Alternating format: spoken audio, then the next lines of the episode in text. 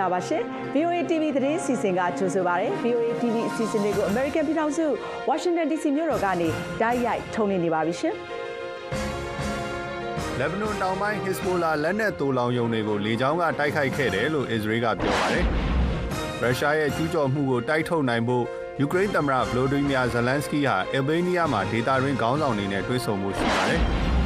မြန်မာနိုင်ငံမှာလူငယ်တွေစစ်မှုမထမ်းမနေရအမိန့်ပေါ်မြန်မာပြည်သူတွေစိုးရိမ်ပူပန်နေရတာကိုစာနာနားလည်မိတဲ့အကြောင်းဗြိတိရှတန်ယုံရန်ကုန်အကြီးအကဲကန်အိုဖလာဟာတီက Facebook မှာသတင်းစကားပါထားပါတယ်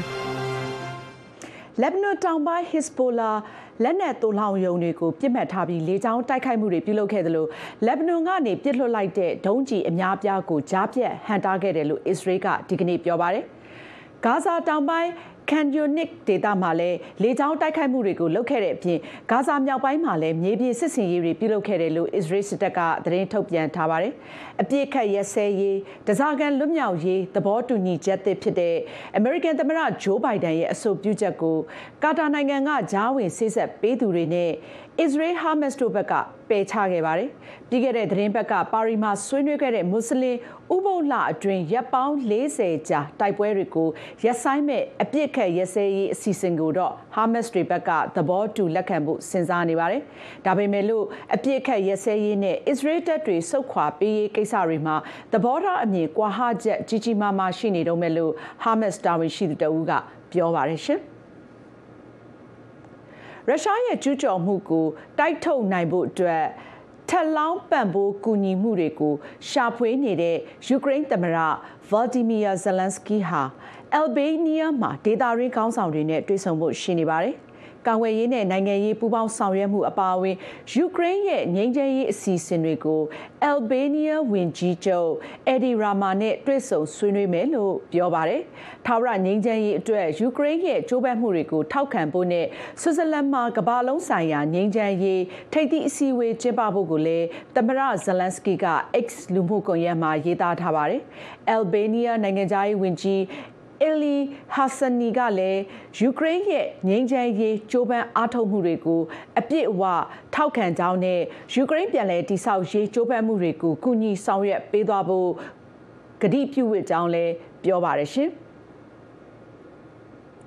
အမေရိကန်ပြည်ထောင်စုမစ်ချီဂန်ပြည်နယ်မှာမနေ့ကကျင်းပတဲ့ပါတီတွင်းသမ္မတလောင်းရွေးကောက်ပွဲတွေမှာဒီမိုကရက်တစ်ပါတီသမ္မတဂျိုးဘိုင်ဒန်အနိုင်ရပြီးတော့ Republican ပါတီဘက်မှာတော့သမ္မတဟောင်းဒေါ်နယ်ထရန့်အနိုင်ရသွားပါတယ်။သူတို့နှစ်ယောက်စလုံးအနိုင်ရမယ်ဆိုတာကိုအများကမျှော်လင့်ပြီးသားဖြစ်ပေမဲ့လည်း ရွေးကောက်ပွဲအတွက်အဓိကကျတဲ့ပြည်내ကြီးတစ်ခုဖြစ်တာကြောင့်အနိုင်ရတာလူထုထောက်ခံမှုရတာတွေကိုလေ့လာသူတွေကအနီးကပ်စောင့်ကြည့်ခဲ့ကြတာဖြစ်ပါတယ်။2020ပြည့်နှစ်ကမစ်ချီဂန်ပြည်နယ်သမ္မတရွေးကောက်ပွဲမှာဂျိုးဘိုင်ဒန်ကအနိုင်ရခဲ့တဲ့အတွက်ဒီနှစ်သမ္မတရွေးကောက်ပွဲမှာနှစ်ယောက်ပြန်ပြီးရှင်ပြိုင်ရနိုင်ခြေရှိနေပါတယ်။ ဒီမိုကရက်ပါတီတွင်ရွေးကောက်ပွဲမဲအားလုံးရဲ့၃ပုံ၂ပုံရေးအတွက်ပြီးချိန်မှာသမ္မတဘိုင်ဒန်က81ရာခိုင်နှုန်းအနိုင်ရခဲ့တာပါ။ဒါပေမဲ့လည်းမဲပြားတွေရဲ့73ရာခိုင်နှုန်းကတော့ဘသူကိုမှထောက်ခံမဲမပေးခဲ့ပါဘူး။အာရက်နယ်ဘွားအများပြားနေထိုင်တဲ့မစ်ချီဂန်ပြည်နယ်မှာဂါဇာပဋိပက္ခအတွင်းသမ္မတဘိုင်ဒန် အစ္စရေးကိုထောက်ခံတဲ့မူဝါဒကိုကန့်ကွက်တဲ့အနေနဲ့ဒီမိုကရက်ပါတီဝင်တချို့ကမဲပြပေါ်မှာဘယ်သူ့ကိုမှမဲမပေးဘဲထားခဲ့ကြတာပါသမ္မတဟောင်းဒေါ်နယ်ထရန့်အတွက်တော့ Republican Party တွင်သမ္မတလောင်းပနာမရွေးပွဲတွေမှာ6ကြိမ်မြောက်ဇက်တိုက်အနိုင်ရတာဖြစ်ပါတယ်။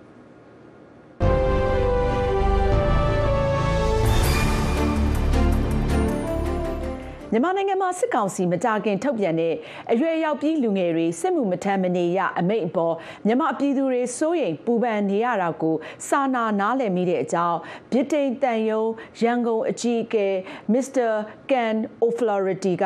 တန်ယုံ Facebook လူမှုကွန်ရက်မှာသတင်းစကားပါထားပါတယ်မြန်မာနိုင်ငံမှာတာဝန်ထမ်းဆောင်နေတဲ့တစ်နှစ်တာကာလအတွင်းလေ့လာခဲ့ရတဲ့အရာတွေကိုပြောဆိုရင်းမြန်မာနိုင်ငံရေးအခြေအနေတချို့ကိုထည့်သွင်းပြောဆိုသွားတာပါ You've all already endured so much, and I know that the new announcement on conscription has inflicted even more distress. My thoughts and those of my colleagues are with you every day,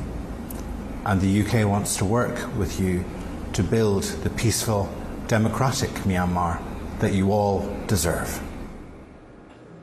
စစ်မှုမထမ်းမနေရဥပဒေကြောင့်အိမ်နီးချင်းနိုင်ငံတွေနဲ့ပြည်ပကိုထွက်ဖို့စ조사ကြတဲ့လူငယ်တွေပိုများလာတယ်လို့ပြည်တွင်းမှာလည်းမရေရာမှုနဲ့စိုးရိမ်ပူပန်မှုတွေပိုများလာနေပါတယ်။ပြည်တိန်တန်ယုံရန်ကုန်အကြီးအကဲ Mr. Can O'Flaherty အနေနဲ့စာနာကြောင်းထုတ်ဖော်ပြောဆိုတဲ့ပြည်တွင်းကပထမဆုံးတန်ရာရှိလဲဖြစ်ပါတယ်။ စစ်ကောင်စီပြောခွင့်ရကတော့2019ခုနှစ်တကောင်စီးရင်တွေအရ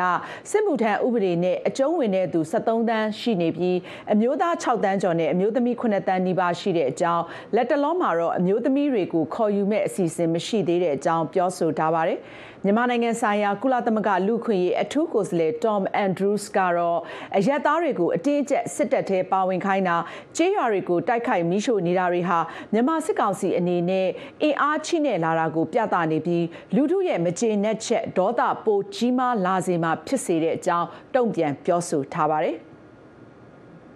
မြန်မာနိုင်ငံအတွက်လူသားချင်းစာနာမှုအကူအညီရန်ပုံငွေဩစတြေးလျနိုင်ငံရဲ့ရရရော်ရော်ထောက်ပံ့ကူညီမှုအတွက်ကျေးဇူးတင်တဲ့အကြောင်းကုလသမဂ္ဂလူသားချင်းစာနာမှုဆိုင်ရာညှိနှိုင်းရေးမှူးရုံး UN OCHA က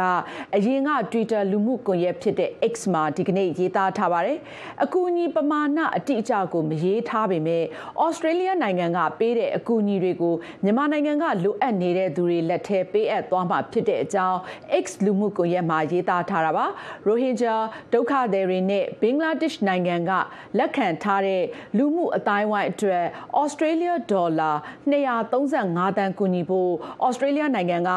2023ခုနှစ်ဒီဇင်ဘာလကမ္ဘာဒုက္ခသည်ရေးရာညီလာခံမှာကတိပေးထားပါတယ် 2018ခုနှစ်နောက်ပိုင်းမှာမြန်မာနိုင်ငံနဲ့ဘင်္ဂလားဒေ့ရှ်နိုင်ငံအတွက်လူသားချင်းစာနာမှုအကူအညီဩစတြေးလျဒေါ်လာ625တန်ပေးအပ်တာဖြစ်ပါတယ်။တစ်ချိန်တည်းမှာမြန်မာနိုင်ငံကအမျိုးသမီးအတွက်အရေးအသွေးမီကျန်းမာရေးဝန်ဆောင်မှုနဲ့အရေးပေါ်အကူအညီအတွက်ဦးစားပေးဆောင်ရွက်နေတဲ့အကြောင်းဩစတြေးလျတန်ယုံကလည်းတနင်္လာနေ့ကကြေညာချက်ထုတ်ပြန်ထားပါတယ်။ကုလသမဂ္ဂလူသားချင်းစာနာမှု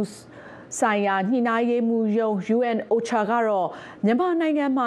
2021ခုနှစ်ဖေဖော်ဝါရီလစစ်တပ်အာဏာမသိမ်းခင်ကလူသားချင်းစာနာမှုအကူအညီလိုအပ်တဲ့သူတွေတသန်းပဲရှိခဲ့ပေမဲ့အာဏာသိမ်းပြီး3နှစ်အကြာမှာ18တန်းအထိတိုးလာခဲ့တယ်လို့ပြောဆိုထားပါတယ်။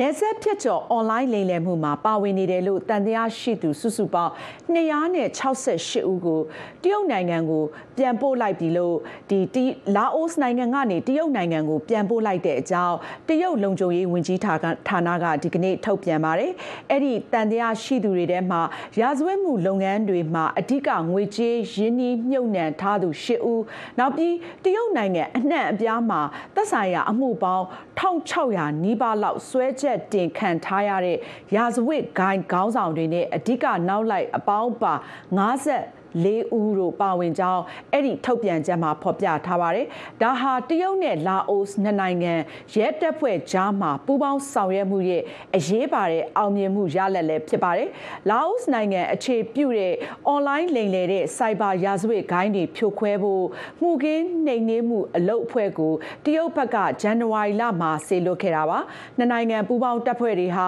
မှုကင်းနယ်မြေအများအပြားကိုဝင်ရောက်စီးနင်းဖမ်းဆီးနှိမ်နင်းခဲ့ပြီးတော့မိုဘိုင်း iPhone တွေနဲ့ကွန်ပျူတာပေါင်း2400ကျော်ကိုသိမ်းဆည်းခဲ့တယ်လို့တရုတ်လုံခြုံရေးဝန်ကြီးဌာနရဲ့ထုတ်ပြန်ချက်မှာဖော်ပြထားပါတယ်။ဒီအတောအတွင်းမှာပဲထိုင်းမြန်မာနဲ့လာအိုသုံးနိုင်ငံနယ်နိမိတ်ထိစပ်နေတဲ့ရွှေတရိကန်ဒေသမှာအလုတ်ကင်လိမ်လည်မှုတွေတိုးလာနေတာကိုတတိထားကြဖို့တောင်ကိုရီးယားနိုင်ငံသားရေးဝန်ကြီးဌာနကဒီကနေ့ကြေညာချက်ထုတ်ပြန်ပါတယ်။အမျက်အစွန်းအများပြားရမယ်ဆိုပြီးလူတွေကိုဆွဲဆောင်ပြန်ပေးဆွဲအဓမ္မအလုတ်စေခိုင်းတာတွေကိုတိုးမြင့်လာနေတဲ့အခြေအနေတွေအတွက်အဲ့ဒီဒေတာကိုအထူးသတိထားကြဖို့ကြေညာချက်မှာဖော်ပြထားပါတယ်ရှင်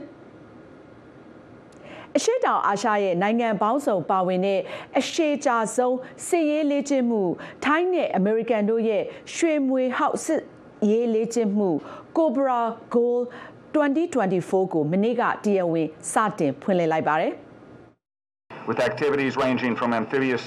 shore landings to command and control exercises and combined arms exercise training from full cyber and space integration ရေချောင်းနဲ့ကုန်းလန်းနှစ်သွဲကမ်းတက်လေ့ကျင့်မှုအမိန်ပေးစနစ်နဲ့ထိန်းချုပ်ရေး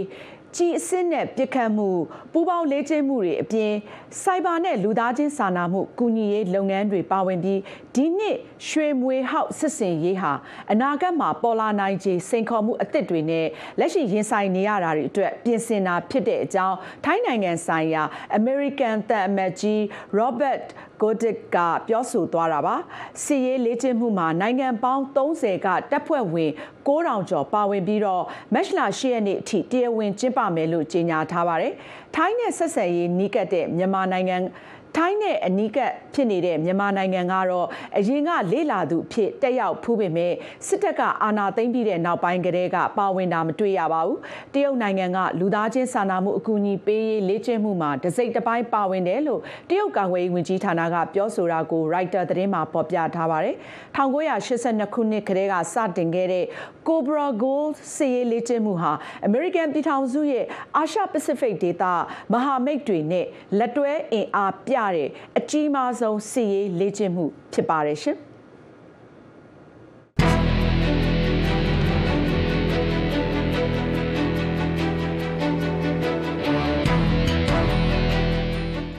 ဆက်လက်ပြီးတော့သတင်းဆောင်မတွေအပတ်စဉ်ကဏ္ဍတွေကိုထုတ်လွှင့်မှာပါ ဖေဖော်ဝါရီလ၁ရက်နေ့မှာမြန်မာစစ်တပ်အာဏာသိမ်းတာဟာ၃နှစ်တင်းတင်းပြည့်ခဲ့ပြီဖြစ်တယ်လို့ဖေဖော်ဝါရီလ25ရက်ကလည်းရုရှားကယူကရိန်းကိုကျူးကျော်စစ်ပွဲဆင်နွှဲနေတာဟာနှစ်နှစ်တင်းတင်းပြည့်ခဲ့ပြီဖြစ်ပါတယ်။ဒီလိုနှစ်တွေကြာလာပေမဲ့မပြီးဆုံးသေးတဲ့စစ်ပွဲတွေနဲ့ယူကရိန်းနဲ့မြန်မာတို့ရဲ့အခြေအနေအကြောင်းကိုယူကရိန်းမြန်မာလွတ်မြောက်ရေးတိုက်ပွဲနှိုင်းယှဉ်ချက်ကနေဟောက်စာကတင်ဆက်ထားပါတယ်ရှင်။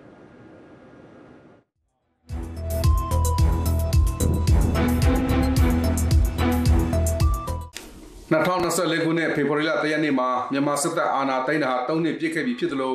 ဖေဖော်ဝါရီလ25ရက်နေ့မှာလည်းရုရှားကယူကရိန်းကိုကျူးကျော်စစ်ပွဲဆင်နွှဲခဲ့တာဟာနှစ်နှစ်တင်တင်ပြည့်ခဲ့ပြီဖြစ်ပါတယ်။ဒီလိုနှစ်တွေကျော်လာခဲ့ပေမဲ့မြန်မာအာဏာသိမ်းစစ်တပ်နဲ့တော်လှန်ရေးအရာစုတွေရဲ့တိုက်ပွဲတွေဟာပြော့ကျမသွားသလိုရုရှားကိုတိုက်ထုတ်နေတဲ့ယူကရိန်းစစ်ပွဲဟာလည်းကြာလီအရှိန်အဟုန်မြင့်တက်လာနေဆဲပဲဖြစ်ပါတယ်။ယူကရိန်းမှာဖြစ်နေတဲ့ရုရှားကျူးကျော်စစ်နဲ့မြန်မာပြည်သူစစ်အပေါ်ရှစ်ဆက်ဖြစ်လာနိုင်မဲ့အခြေအနေအပြောင်းလဲတွေအကြောင်းကိုမိစမသတင်းခန်းစီမံကန့်ကွက်မှုအက်ဒီတာဖြစ်တဲ့ ဥဆိုင်ဝင်းနဲ့ယူကရိန်းမြန်မာလူမျိုးရေးတိုက်ပွဲနှိုင်းယှဉ်ချက်စီစဉ်ကနေဆက်သွယ်မြင်မြန်ထားပါတယ်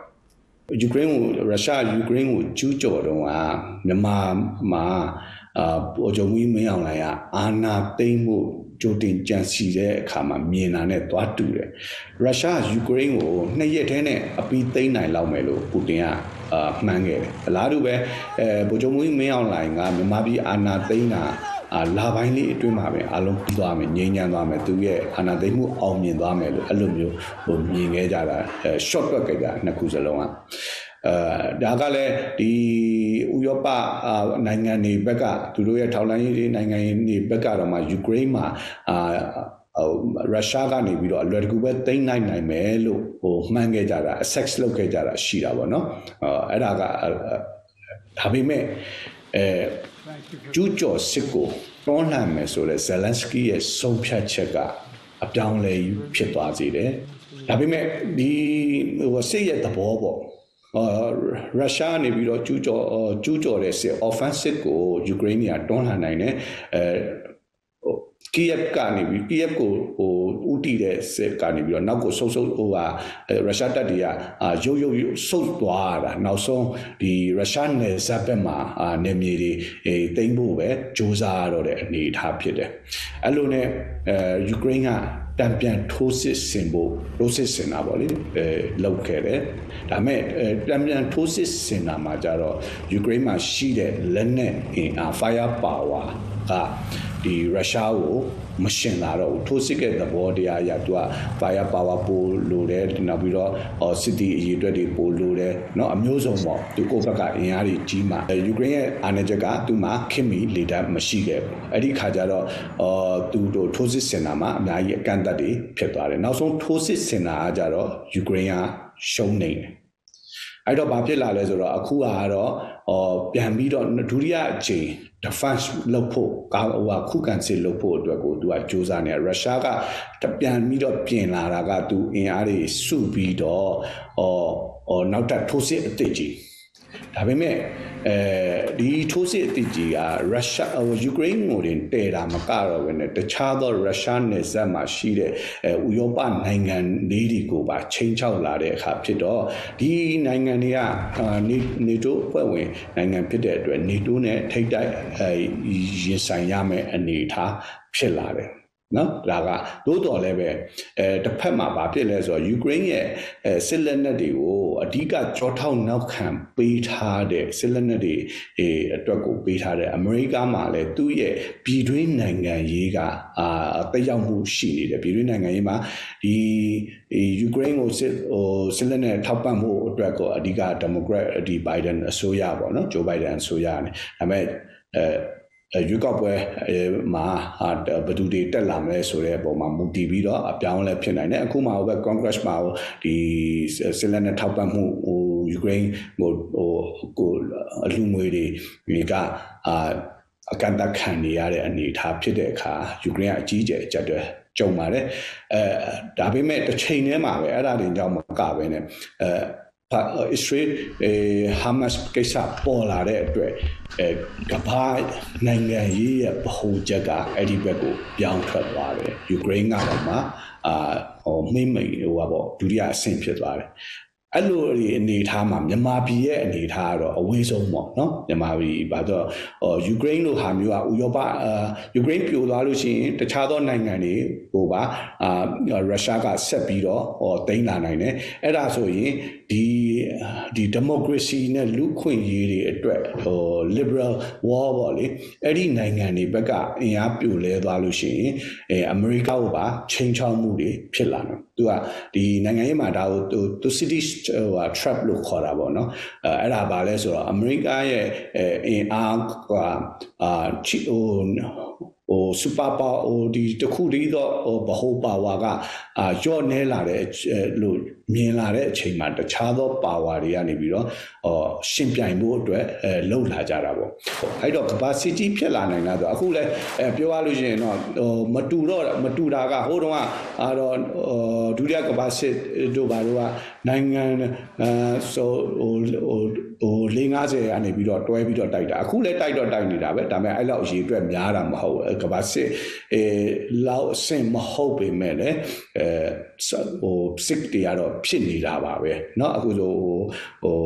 ဟိုဟိုအီရန်ပတ်သက်တဲ့အတွက်အဲဟိုဟိုမှာအာဖရိကမှာလည်းစစ်ဖြစ်နေတယ်အမေရိကအဲ့ဒီဘက်မှာတွားပြီးတော့တိုက်နေရတာရှိတယ်မီဒယ်အစ်မှာဖြစ်တယ်ဟလာဥရောပမှာဖြစ်တယ်အဲ့လိုမျိုးတွေတော့ဖြစ်နေတာပေါ့စစ်ရဲ့ကျေပြန့်လာနိုင်လားဆိုတော့ကျေပြန့်လာနိုင်တဲ့အနေအထားအာရှိတယ်လို့တော့ပြောလို့ရပါတယ်ဗျာယူကရိန်းစစ်ပွဲနဲ့မြန်မာပြည်သူစစ်တို့ရဲ့အခြေအနေတွေပေါ်သုံးသက်ချက်တွေပဲဖြစ်ပါတယ် နောက်တစ်ပတ်စီစဉ်မှာလည်းဘယ်သူတွေကပါဝင်ဆွေးနွေးကြမလဲဆိုတော့စောင့်မျှော်ကြည့်ရှုပေးကြပါခင်ဗျာကျွန်တော်ဟောင်းစားပါအမေရိကန်ပြည်ထောင်စုကနေတင်ဆက်ပေးခဲ့တာပါ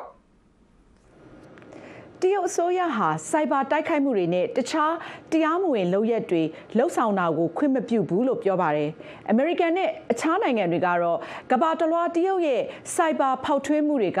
မှတ်တမ်းနဲ့တကွရှိတယ်လို့ဆိုပါတယ်။အချက်လက်အခြေခံပြီးတော့မှားမှန်အတည်ပြုထားတဲ့ VOA ရဲ့ Polygraph ရုပ်သံဗီဒီယိုမှာတင်ဆက်ထားပါတယ်ရှင်။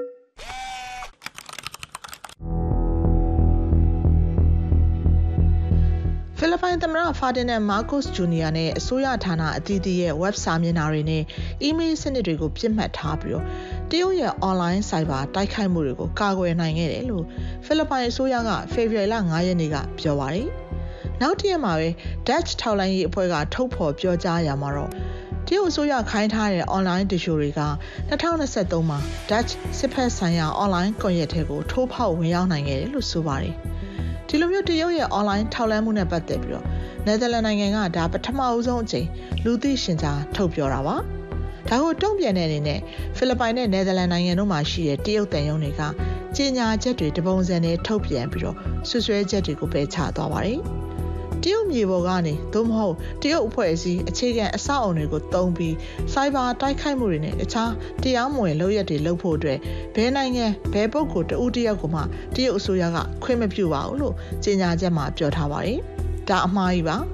။တရုတ်ဟာကမ္ဘာတစ်လွှားမှာဆိုးရွားတဲ့စိုက်ဘာဖောက်ထွင်းထောင်လန့်မှုတွေလှုပ်ဆောင်တဲ့ရာဇဝင်မှတ်တမ်းနဲ့တကွာရှိပါတယ်။တိုက်ခိုက်မှုအများစုကတရုတ်အစိုးရလူတွေနဲ့ဆက်ဆက်နေတာပါ။ 2021နှစ်လယ်ကစပြီးတော့အမေရိကန်ပြည်ထောင်စုကအရေးပါဆုံးအခြေခံအဆောက်အအုံတွေကိုပြစ်မှတ်ထားတိုက်ခိုက်နေခဲ့တဲ့ Cyber ဖောက်ထွင်းမှုကွန်ရက် Vault Typhoon အဖွဲ့ဟာတရုတ်အစိုးရခိုင်းထားတဲ့အဖွဲ့ဆိုတာ2023မေလမှာ Microsoft ကသိရှိဖော်ထုတ်နိုင်ခဲ့ပါတယ်။ အမေရိကန်နိုင်ငံသားရေးဝန်ကြီးအန်တိုနီဘလင်ကင်2023ဇွန်လမှာတွားရောက်တဲ့ဘေကျင်းမြို့ခီးစဉ်မတိုင်ခင်မှာပဲတရုတ်ရေးရာကိစ္စတွေကင်တွယ်ဆောင်ရွက်ရတဲ့အမေရိကန်အစိုးရဌာနတွေကအရာရှိတွေရဲ့အီးမေးလ်တွေကိုတရုတ်အစိုးရထောက်ပံ့ထားတဲ့တရုတ်အွန်လိုင်းဖောက်ထွင်းအဖွဲ့ Storm 0558ကဝင်ဖောက်ခဲ့ပါတယ်။ တရုတ်ကွန်မြူနစ်ပါတီရဲ့စိုက်ဘာထောက်လှမ်းရေးဒစိမ့်တစ်ပိုင်းဖြစ်တယ်လို့ဖော်ထုတ်သိရှိရတဲ့အစိုးဆုံးစိုက်ဘာဖောက်ထွင်းအဖွဲ့ကတော့ APT 41ဖြစ်ပြီးတော့သူတို့အဖွဲ့ဝင်တွေကမကြာခဏဆိုသလိုပဲတကူတော်လှုပ်ရှားသူတွေပုံစံမျိုးနဲ့လောက်ကိုင်းတတ်ကြပါတယ်။ တရုတ်ဟာတခြားနိုင်ငံတွေရဲ့အရေးကြီးဆုံးအခြေခံအဆောက်အုံတွေကိုအနှောက်အယှက်ဒါမှမဟုတ်အပျက်စီးကြီးတဲ့စိုက်ဘာတိုက်ခိုက်မှုတွေလှုပ်ဆောင်ပြီးတော့နည်းပညာကွန်ရက်တွေပေါ်မှာကြိုတင်နေရာယူထားဖို့စ조사တဲ့အနေနဲ့တရုတ်အစိုးရလူစိုက်ဘာဖောက်ထွင်းဝိဇ္ဇာတွေနဲ့နှစ်ထည်နဲ့ချီပြီးတော့ online ပေါ်ကတိုက်ခိုက်မှုတွေလုပ်နေပါတယ်လို့ American, Canada, Britain, Australia နဲ့ New Zealand အစိုးရများစိုက်ဘာလုံခြုံရေးနဲ့ထောက်လှမ်းရေးအဖွဲ့တွေကဖေဖော်ဝါရီလ9ရက်နေ့မှာပူးရဲအကြံပြုချက်ထုတ်ပြန်ထားပါတယ်ရှင်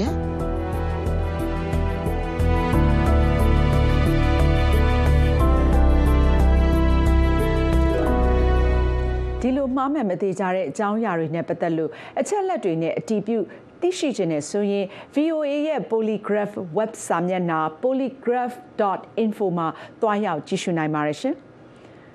ဘရာဇီးနဲ့ဘာစီလိုနာကစားသမားဟောင်းဒန်နီအယ်ဗစ်ကိုအဓမ္မပြုကျင့်မှုနဲ့ထောင်ဒဏ်၄နှစ်ခွဲပြစ်ဒဏ်ချမှတ်လိုက်ပါတယ်။ဒီလိုတပတ်အတွင်းအားကစားသတင်းတွေကိုကိုရနိုင်ကစူးစီးတင်ဆက်မှာပါရှင်။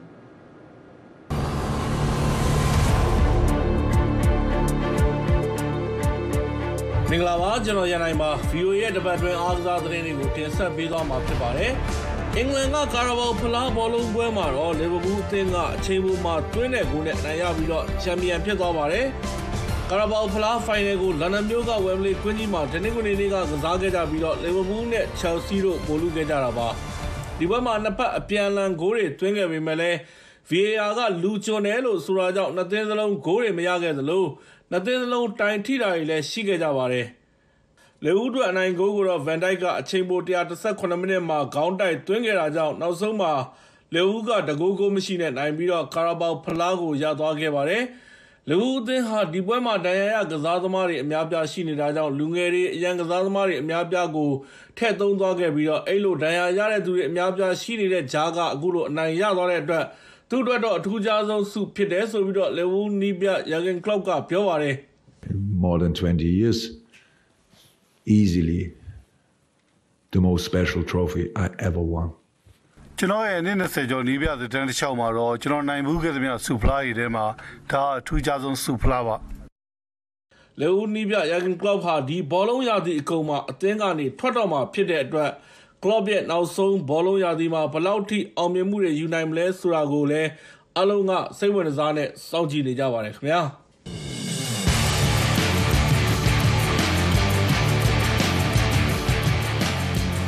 င်္ဂလန်ဘက်ကနောက်ထပ်ဘောလုံးသတင်းမှာတော့လီဗာပူးရဲ့မြို့ကန်ပြိုင်ဘက် Everton အသင်းဟာ Premier League ရဲ့စီမင်းစည်းကမ်းတွေကိုချိုးဖောက်မှုနဲ့10မှတ်ရှော့ခံထားတာနဲ့ပတ်သက်ပြီးတော့ပြည်ထောင်ရှော့ပေးဖို့အယူခံဝင်တာအနိုင်ရသွားခဲ့ပါတယ်။ Everton အသင်းကိုမူလက10မှတ်ရှော့ထားတာဖြစ်ပြီးတော့အခုကမှတော့10မှတ်ကနေ6မှတ်ပဲရှော့လိုက်တယ်လို့ Everton အသင်းနဲ့ Premier League ကတနင်္လာနေ့မှာအတည်ပြုခဲ့ပါတယ်။ အခုလိုပြည်တန်လျှော်ပေးလိုက်တဲ့အတွက် Everton အသင်းဟာ၄မှတ်ပြန်ရပြီးတော့ Premier League မှာလည်းအဆင့်15ကိုပြန်ပြီးတော့တက်သွားခဲ့ပါတယ်ခင်ဗျာ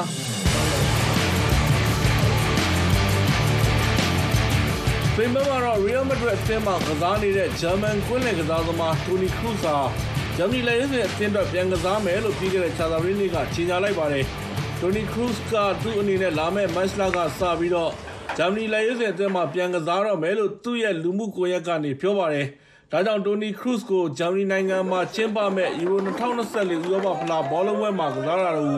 ပြန်ပြီးတော့တွေ့ရမှာဖြစ်ပါတယ်။အသက်34နှစ်ရှိဖြစ်တဲ့တိုနီခရုစ်ဟာ2010ခုနှစ်မှာဂျာမနီလက်ရွေးစင်ဖြစ်လာခဲ့ပြီးတော့ဂျာမနီအသင်းအတွက်နိုင်ငံတကာပွဲစုစုပေါင်း106ပွဲကစားပေးထားလည်းဖြစ်ပါတယ်။ပြီးခဲ့တဲ့ယူရို2020ဥရောပဖလားဘောလုံးပွဲမှာတော့အင်္ဂလန်အသင်းကိုဒုတိယအဆင့်ရှုံးထွက်ပွဲစဉ်မှာရှုံးခဲ့ပြီးတဲ့နောက် လက်ရွေးစင်အသင်းကနေအနားယူခဲ့တာပါအဲ့နောက်၃နှစ်ကြာမှဂျာမနီလက်ရွေးစင်အသင်းမှာပြန်ပြီးကစားဖို့အခုလိုဆုံးဖြတ်ခဲ့တာဖြစ်ပါတယ်ခင်ဗျာ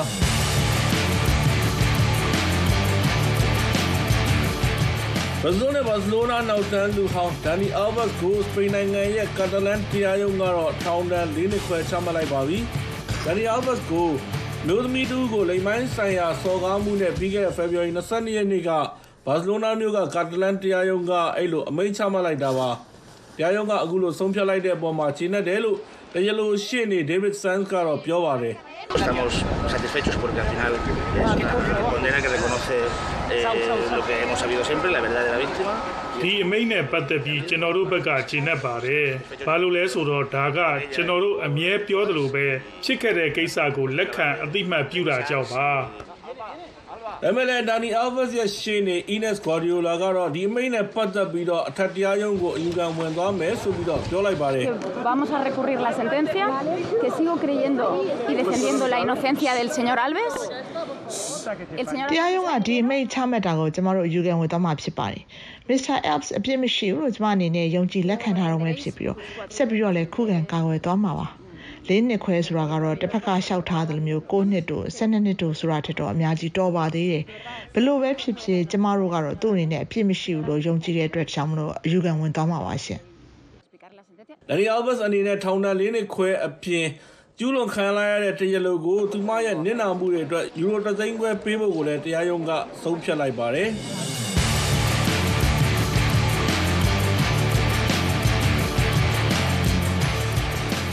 Saudi Arabia နိုင်ငံမှာကျင်းပတဲ့အခက်အခဲအတားအဆီးတွေကြော်ဖြတ်ပြရတဲ့ဒီအခက်အခဲဖြတ်ကျော်ပြေးပွဲကိုတော့ကမ္ဘာတော်နိုင်ငံပေါင်းစုံကပြိုင်ပွဲဝင်တဲ့သူတွေဝင်ရောက်ရှင်ပြိုင်ခဲ့ကြပါတယ်။ El Ula ပြိုင်ပွဲလို့ခေါ်တဲ့ဒီပြိုင်ပွဲကိုတော့ Saudi နိုင်ငံကသဲကန္နာထဲမှာပြီးခဲ့တဲ့စနေနေ့ကကျင်းပခဲ့တာဖြစ်ပါတယ်။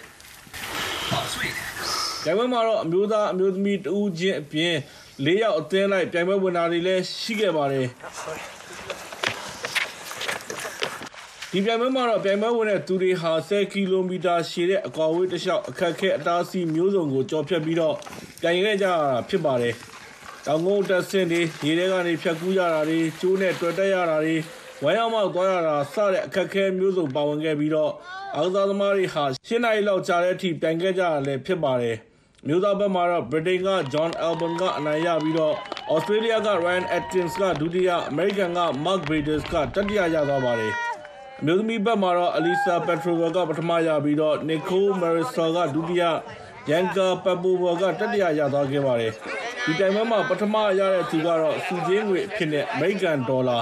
8000လဲရရှိသွားခဲ့ပါတယ်ခင်ဗျာ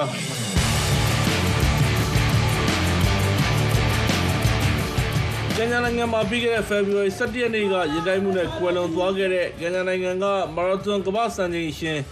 Kevin Kipton ရဲ့နာရီအခမ်းအနားကိုတော့ပြီးခဲ့တဲ့တောက်ကြနေ့ကပြုလုပ်ခဲ့ပါတယ်။ Kipton ရဲ့နာရီအခမ်းအနားကိုကန်ညာနိုင်ငံ Rip Town ကြားက Nairobi မြို့မှာပြုလုပ်ခဲ့ပြီးတော့လက်ရှိကန်ညာသမ္မတ William Ruto နဲ့နိုင်ငံတကာပြည်ကုန်ပြည်ပွဲချုပ်ဥက္ကဋ္ဌ Sebastian Coe ပါဝင်လူရာနဲ့ချီပြီးတော့တက်ရောက်ခဲ့ကြပါတယ်။အသက်24နှစ်သာရှိသေးတဲ့ Kipton ဟာနိုင်ငံတကာမာရသွန်ပြိုင်ပွဲ